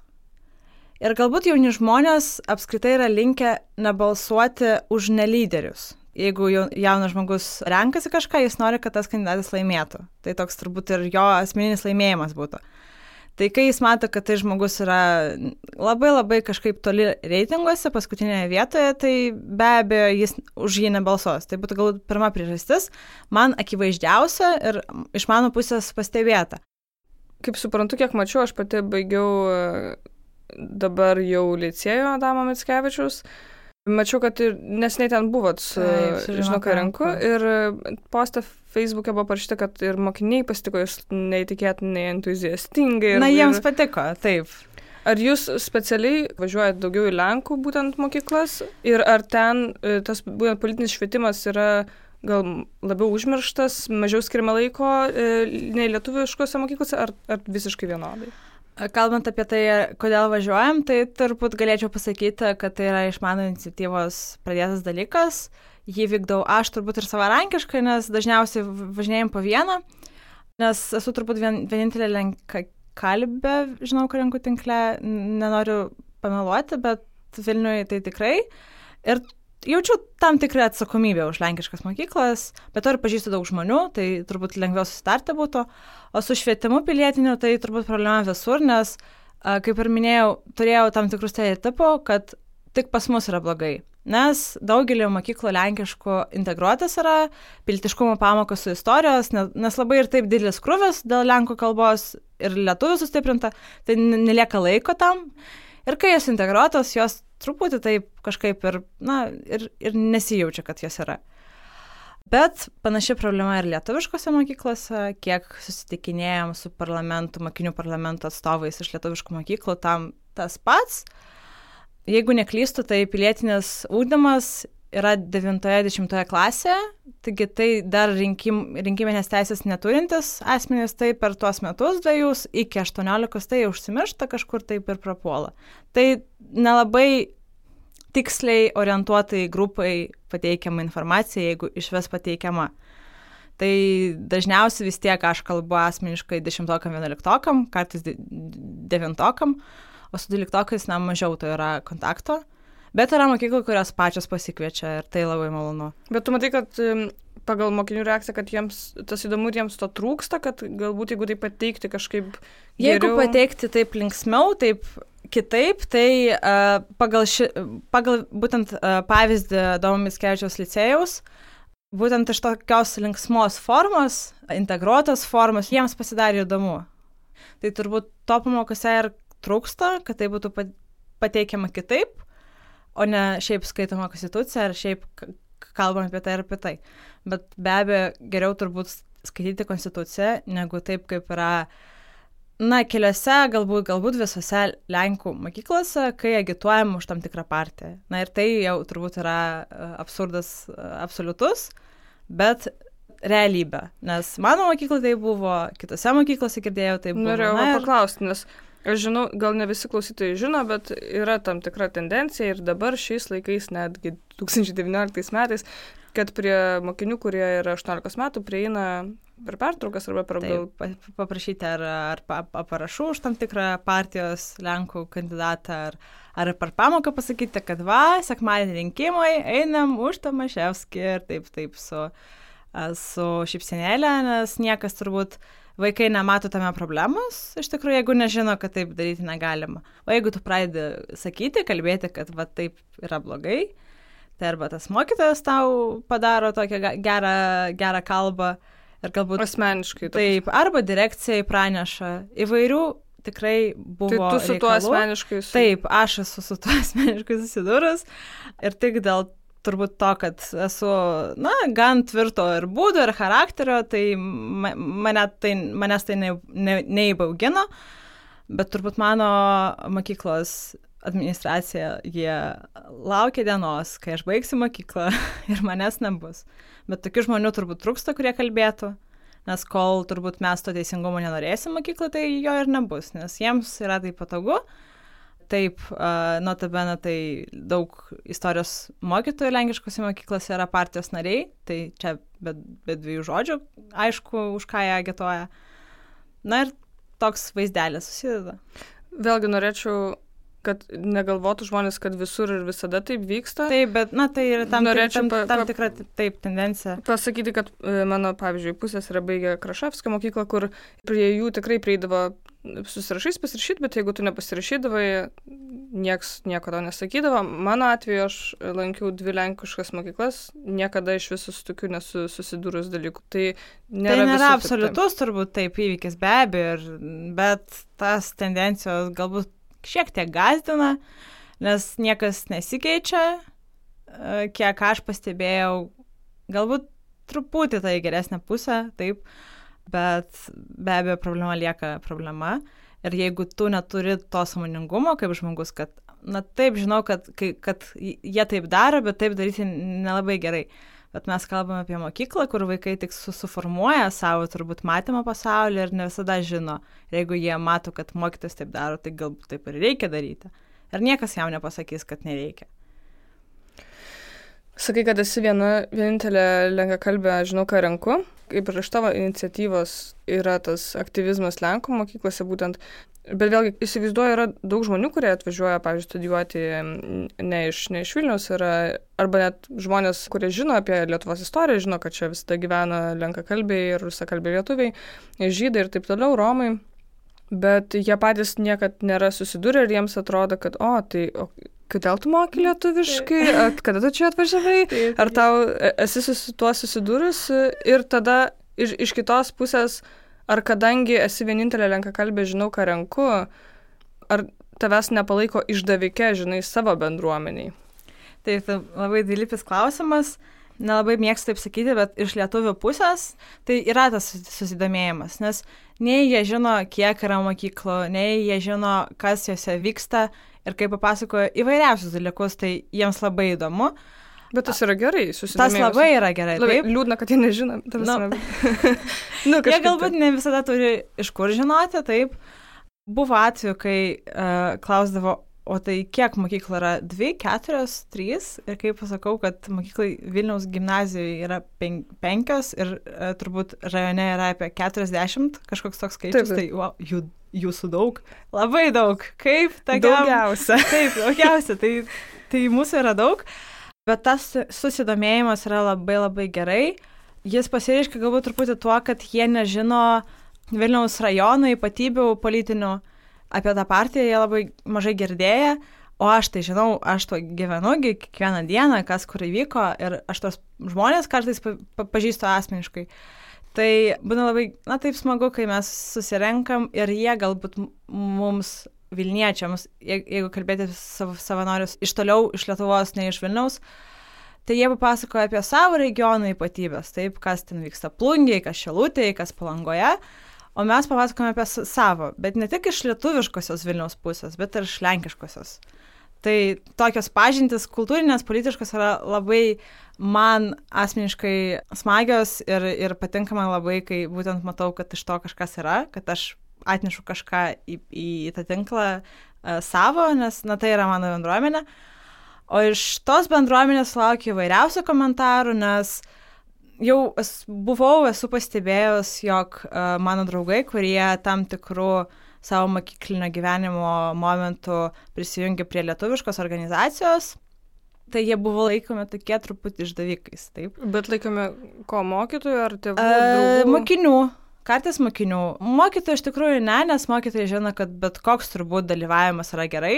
Bet tai net nebuvo kažkoks politinės organizacijos, tiesiog Taip, net- pamokinė veikla. Tiesiog jeigu tu nesi, nesi harceris, o tai kažkur dar galima dalyvauti, Taip. tai nedainuoji bažnyčios chore, kažką dar galima daryti, galima. Ir tas toks pasireiškia, kad nelabai ir mūsų nori suprasti, nelabai supranta.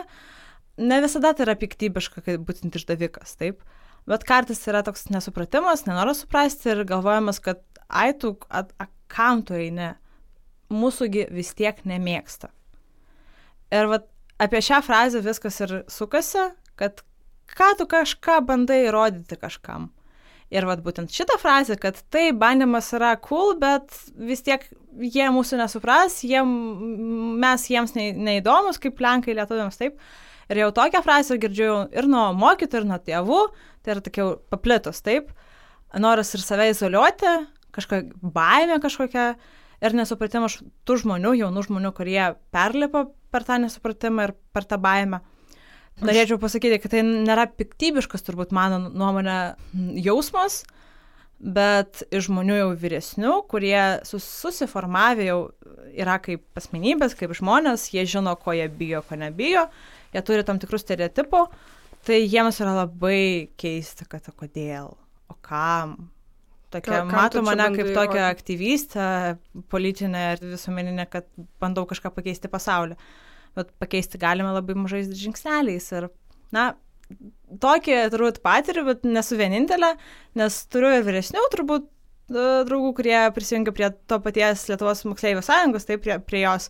Tai jo, kodėl tai tu Lenkų mokyklą į sąjungą įtrauki lietuviško, kaip taip, nu taip, nu, po truputį integruojamės, bet e, feedbackas labai įvairus, toksai 50-50. Kai kurie sveikina, kai kurie... Taip, kurie labai labai taip ir didžiuojasi ir mano draugai, kurie, nu tai wow, kai būtent prieš mėnesį prisijungiam prie baltųjų pirštinių, tai šis tai jau naujas žingsnis, naujas turbūt nauja pradžia, tai labai džiaugiasi, labai sveikina, labai sa- sakė, kad aš šaunuolė, nu kiti taip, o kam?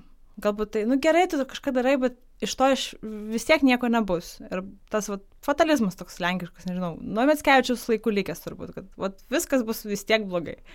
Bet ne tik nuo mokyklos eina, bet ir iš šeimos labai daug, galbūt iš bažnyčios tam tikrą prasme. Nes aš galvoju apie save, aš lankiau Lenkų, lenkakalbę mokyklą ir lankiau lietuvišką muzikos mokyklą. Tai, nu, kaip ir turėjau progą susipažinti su lietuvišku pasauliu, bet aš niekada iki 18 metų neturėjau artimų lietuvių draugų.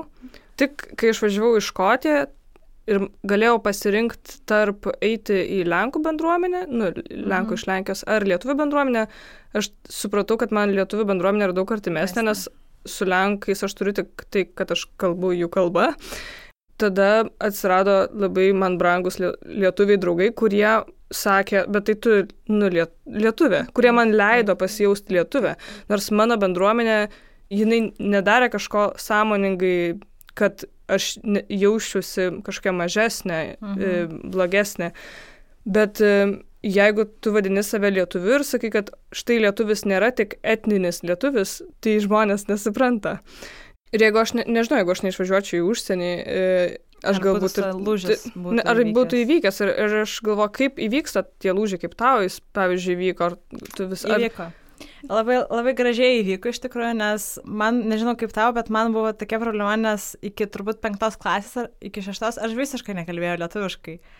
Nes šeimoje lenkiškai kalbam su draugais, rusiškai, lenkiškai, mokyklai, mokyklai lenkiškai ir iki tos reformos sustiprinto lietuvių kalbos mokymo pradiniai, tai mes per lietuvių kalbos pamokas galbūt išmokom pavienius žodžius ir kažkas palvinom. Tai viskas, ką, ką aš prisimenu.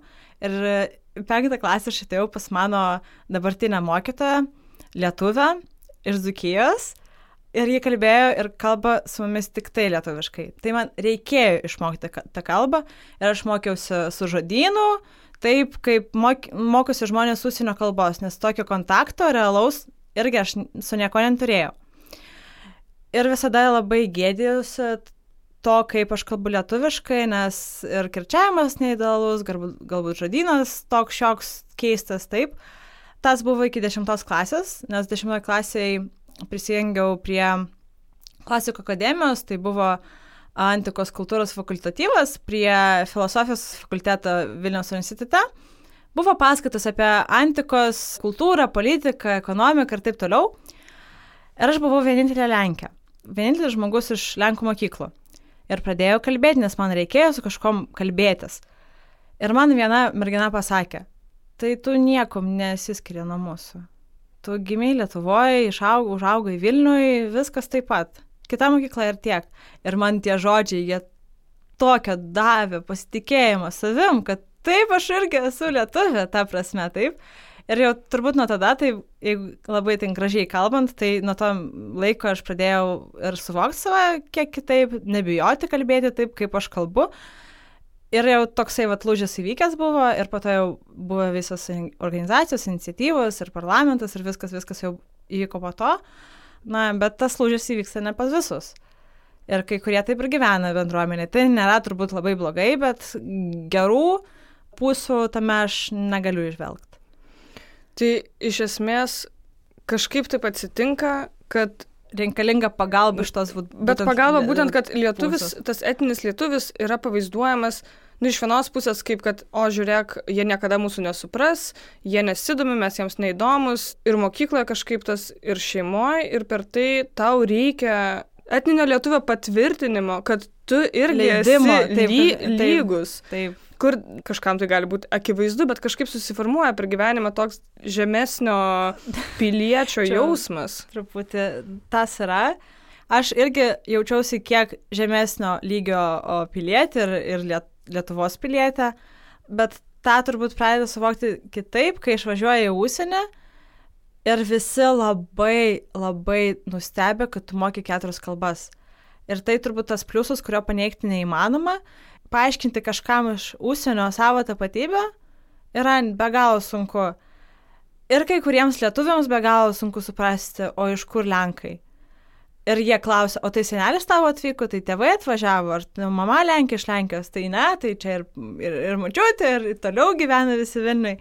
Tai tas sunkumas uh, papasakoti apie save ir sunkumas atskleisti save kitam, tai jis išlieka, bet tuo pačiu supranti, kad jeigu taip sunku, tai turbūt ir verta. O man akimi žiūrint, išeimas iš tos būsenos blogesnio žmogaus ir žemesnio piliečio, jis įvyksta tada, kai tu ateini į lietuvių bendruomenę. Taip, kai tu pradedi kalbėti su lietuviais, dirbti su lietuviais, mano atveju tai buvo, žinau, kranku tam tikrą prasme, tai tu supranti, kad nieko ten skirtumų tokių nėra.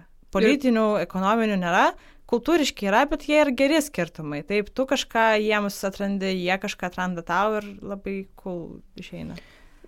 Tu būtent esi tas tarpininkas dabar, nes tu supranti kaip ir Lenkų bendruomenė, Lietuvos Lenkų ir Lietuvių. Iš, vėlgi iš savo pusės. Aš jaučiu, kad aš turiu aktyviai būti tą gerąją, kabutėse Lenkę. Ar tu irgi jauti, kad tokį kažkokį spaudimą? Taip, yra labai dvilypė pareiga, nes tu lietuviams turi paaiškinti, kad ne visi lenkai sako, kad lietuviai blogi, o lenkams tu turi paaiškinti, kad ir lietuviai nėra blogi. Turi dvilypę būtent pareigą būti tarpininku, ne visada tas pavyksta, nes būna įvairiausių žmonių, įvairiausių įvykių, keisų ir, na, tas begalė yra sunku, bet ta tokia pareiga einanti iš, iš, tavo, nu, iš tavo pusės, Aš ją uh, paaiškinu taip, kad aš manau, kad man labai pasisekė, ta prasme, kad aš būtent žengiau tą žingsnį į kitą bendruomenę ir kitą lygį. Ir jeigu man tai pasisekė ir man yra taip gerai, tai aš noriu, kad ir mano bendruomeniai, tai gimtai būtų taip pat gerai. Bet darbas turi vykti iš, na, iš, iš, iš dviejų pusių ir negaliu pasakyti, kad Lenkai yra mažiau linkę suprasti lietuvius nei lietuviai Lenkus, nes, na, būna, būna labai įvairiai. Labai, mano manimo, priklauso nuo šeimos, nes turbūt šeimoje tai labiausiai ir taip nulėmė. Ar tu tolerantiškai, jeigu galima šį žodį, žodį pavartoti, žiūri į kitataučius, ar nelabai.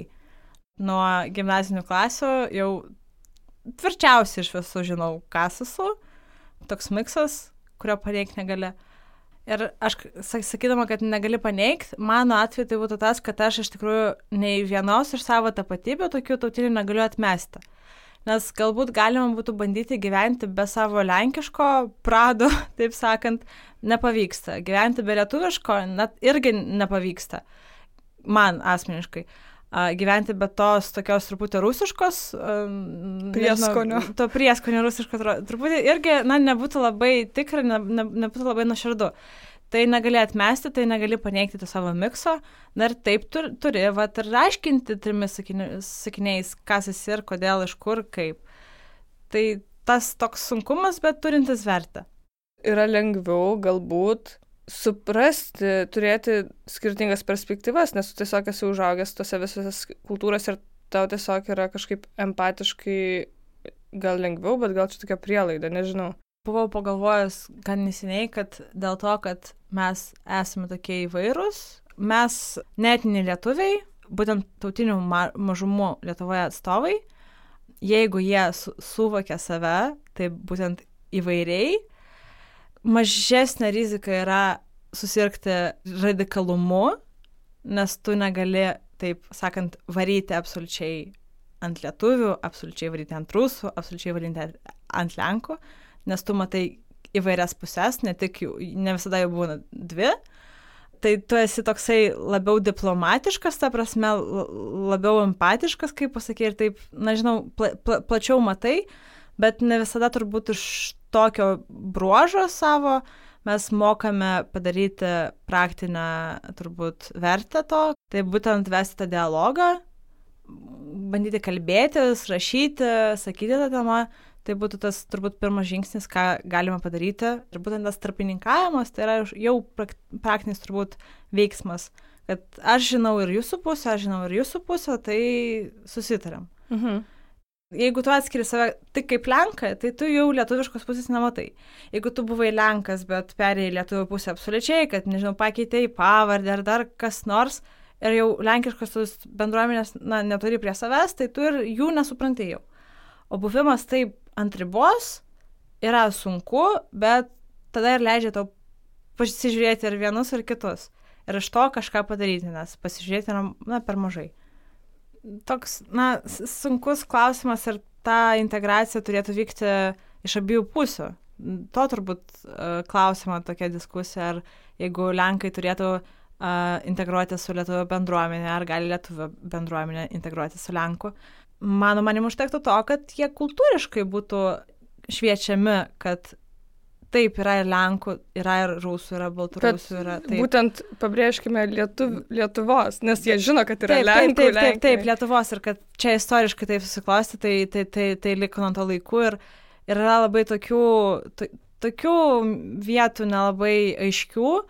Ir na, džiaugiuosi, kad yra Lietuvos lietuvių intelektualų, kurie tai supranta ir nori apie, na, apie tai išnekėti ar, ar skelbti, bet uh, galėtume pasiekti ir Tomo Veslovas pavyzdžių, bet yra per mažai žmonių, kurie nori sekti pavyzdžių, geruoju pavyzdžiu. Ir e, be abejo, tas, na, turbūt teiginys, kuris dabar Europoje yra labai labai aktualus, kad radikalizmas jis yra lengvesnis. Ir, na, ir populizmas yra lengvesnis. Tiesiog mes renkamės lengvesnį būdą, kaip lenkai, kurie nori atsis... Na, taip kažkaip atkirsti lietuvišką atsiriboti. pusę, tai atsiriboti. Tai yra lengviau. Taip pat ir lietuviai nori galbūt paneigti. Tai turbūt lietuviai savo bendruomenę išgyvena ir kitų problemų, kad va yra Vilniaus lietuviai, yra regionų lietuviai ir tai yra skirtingi lietuviai kiek. Tai dar jeigu Lenkus pridėti, Lenka kalbis, ne, tai šakės būtų. Bet, bet mes visi bet, gyvename kartu, turėtume. Taip, mokesčius vienodus mokam, tai turėtum tą patintis kiek, ne kiek.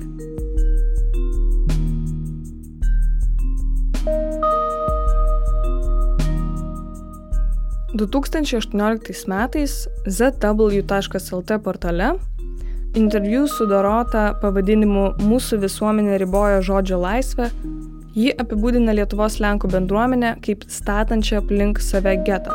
Jis sako, Realybė yra tokia, kad turime tapatinti su lietuviais, kai kalbame apie politiką. Nekalbu apie kultūrą, tik apie politiką. Turime ją domėtis ir nedalinti į lenkišką ir lietuvišką politiką, statome getą aplinkui save, neišbūsime jame ilgai, negyvensime jame laimingai. Taip, politinė... ar, ar taip pat vis dar jautiesi? Politinė prasme apskri... absoliučiai, nes politikoje nematau turbūt tiek kultūra, kultūrinės įtakos, kad ji na, būtų lemiama iš tikrųjų. Lenka kalbiai yra linkę, kiek aš matau, domėtis tik savo regioninę politiką, taip, kiek savivaldybė padarys to ir to, ar, ar nežinau, ties tiltą, ar taip toliau. Tai yra gerai, bet apie užsienio politiką jau nežiūri, nekalba, apie nacionalinį net nelabai kažkaip kreipia į tai dėmesį nes skirsto į politiką, kuri uh, tam tikrą prasme yra aktuali lenkakalbėms ir nėra aktuali lenkakalbėms. Jeigu iš to rinkėjo pusės, taip, iš tos rinkėjo pusės. Jeigu iš politiko pusės, tai ta pati partija ne, nesu niekada turbūt ir sakiusi ir galvojusi, kad a, Lenkų partija Lietuvoje yra blogai, nes turbūt tautinės mažumos partija yra labai gerai. Tik klausimas, kaip na, jį veikia ir kaip yra vykdoma. Bet jie turbūt kreipia dėmesį tik į Lenkų problemas.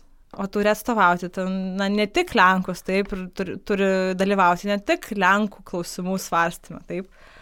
Tai tas skirstimas į politiką, kuri aktuali man, kuri neaktuali, nu, tai iki, iki gero ne, neatves. Na, toks skirstimas turbūt susijęs ir su, tuo, ir su ta kultūrinė skirtime. Taip pat panašiai ir politikoje neturėtų būti tos skirties, kurie yra ir iš rinkėjo pusės, ir iš politiko pusės, nes, na, jį prisideda turbūt prie to geto statymo kuris, na, yra ir iš kurio ištrūkę žmonės, tokie kaip aš ir tu, patiria tam tikrų sunkumų, na ir stovi, stovi vartuose. Taip, yra geto vartai, yra ta pusė, yra ta pusė. Kaip ten bebūtų, bet ta pusė lietuviška šiuo atveju yra laisvesnė, nes tai yra horizontas, tai yra pasaulis, o getas yra, na, lieka getu. Ir iš getų turbūt verta būtų išsinešti tam tikras vertybės, tam tikrą patirtį, bagažą ir keliauti į tą platų pasaulį.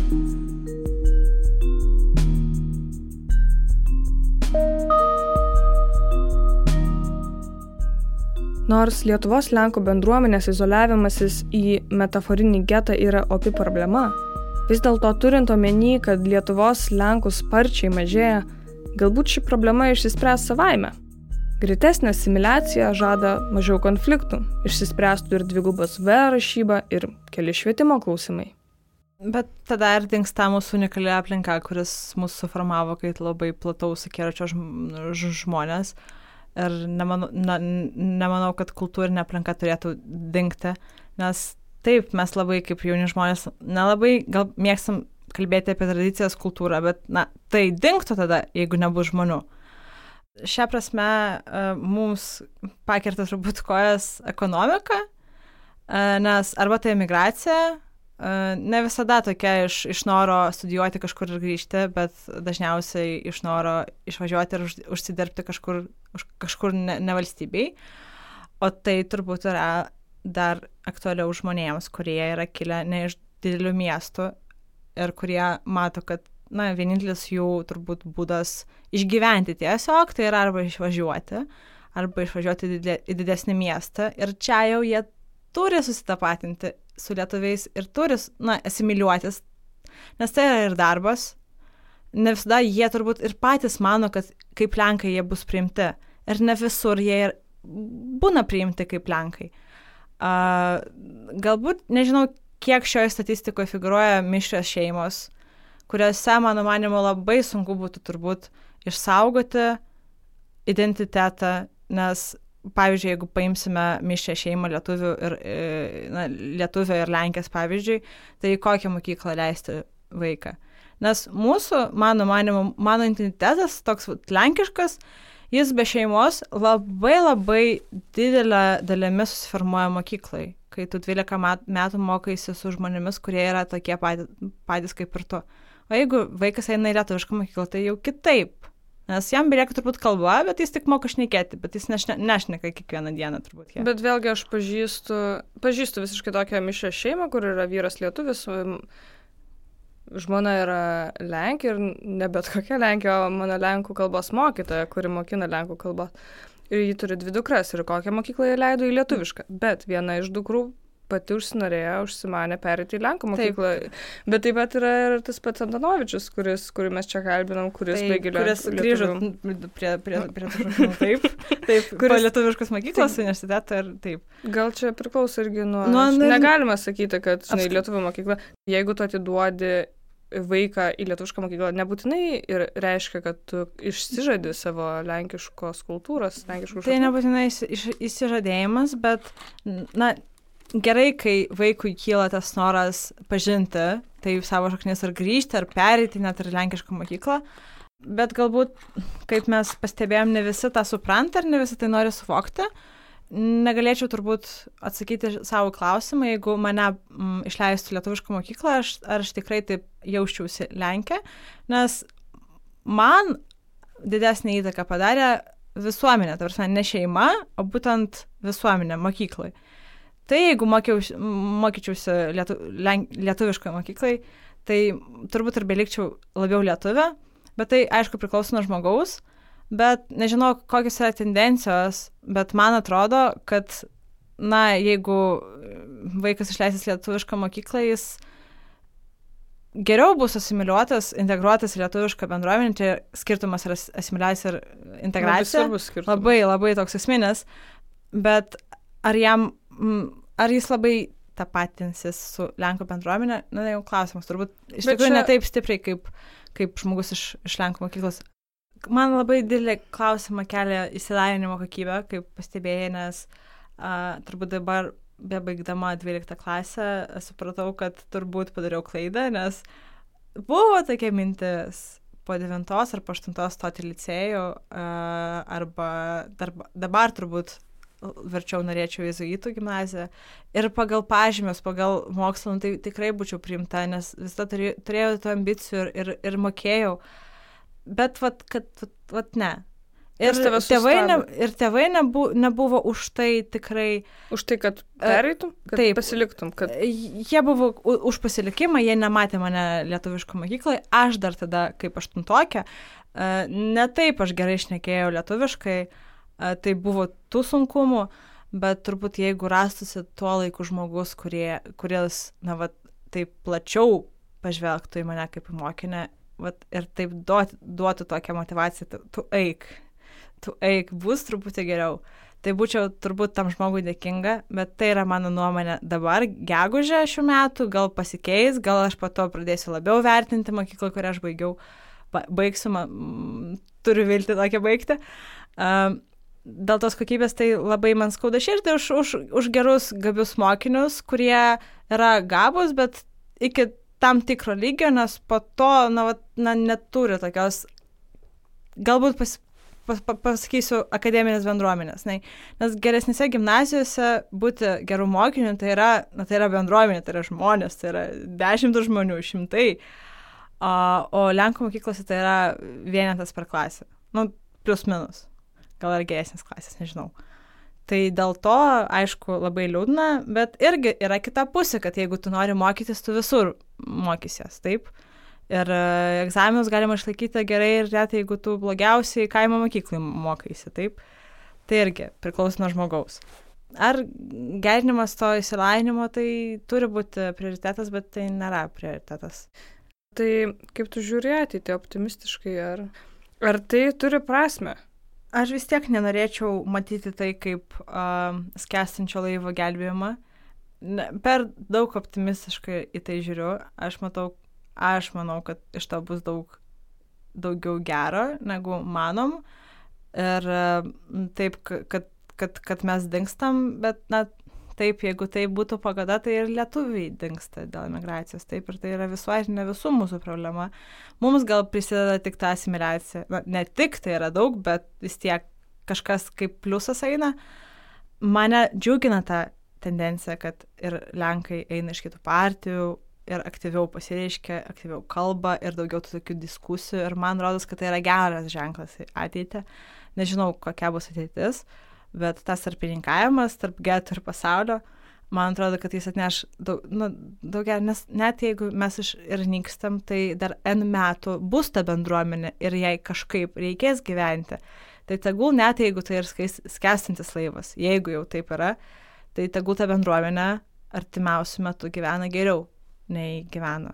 Tai net jeigu ir mes misim po dviejų metų, tai gyvenkim tuos dviejus metus taip, kaip niekada, niekada negyvenam. Tai iš tokios filosofijos turbūt į tokią filosofiją atsiremus ir turbūt galim padaryti kažką dar ir daryti ir, ir, ir labai skatinti kitus žmonės prie to prisidėti, kad nebūtų tai pavieni žmonės, toks vienas žmogus per mokyklą, kad kažkas daro, bet jeigu bus daugiau, tai bus geriau.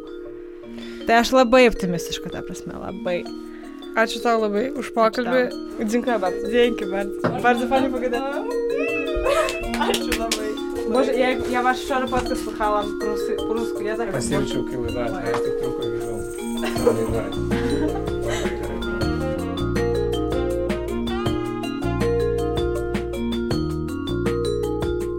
Toks mūsų epizodas šiandien. Ateityje planuojame grįžti prie temų susijusių su tautinių mažumų bendruomenėmis. Jau kitą savaitę galėsite išgirsti mūsų epizodą apie Lietuvos Romų genocidą. Aš netgi atsimenu mokykloje, istorijos pamokoje būdavo taip, aiškina. Žydai, jie tenai buvo žudomi. Bet sako, taigi ir čigonai buvo žudomi. Ne, nebuvo. Sako, taigi niekur nėra parašyta. Tai aš ir aiškinu, tai kaip jie pasirašys, jeigu rašyti nemoka. Ėjome tokį didžiulį ginčą su mokytoja. Jis sako, kad nenužudė, aš sakau, kad nužudė. Sako, aš žinau. Sako, nemeluok. Iš manęs klasė pasišaipė, pasiekė. Ir likau aš melagė, žinokit.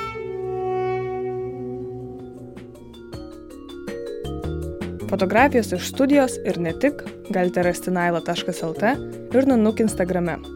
Fotografijų autoriai - Mindaugas Drigotas ir Karolis Pilypas Liutkevičius. Norėčiau dar kartą padėkoti pašnekovams, Nanuk komandos nariams ir draugams, kurie prisidėjo prie šio epizodo kūrimo. Dėkoju Zbignevui Rokitai. Nuorodą į jo straipsnį, nuo kurio viskas prasidėjo, rasite mūsų tinklalapyje. Taip pat dėkoju Jums. Ačiū, kad klausėtės. Prie podkasto kūrimo galite prisidėti per Patreon platformą patreon.com pasvirasis brūkšnys Nanuk multimedia kaip vienas žodis. Epizodo muzikos autorius yra Martinas Gailius, o garso režisierė ir vedėja aš, Katažina Bidoft. Nailo podcastą kūrė žurnalistų kolektyvas Nanuk. Geros jums savaitės. Įdaus lišanę.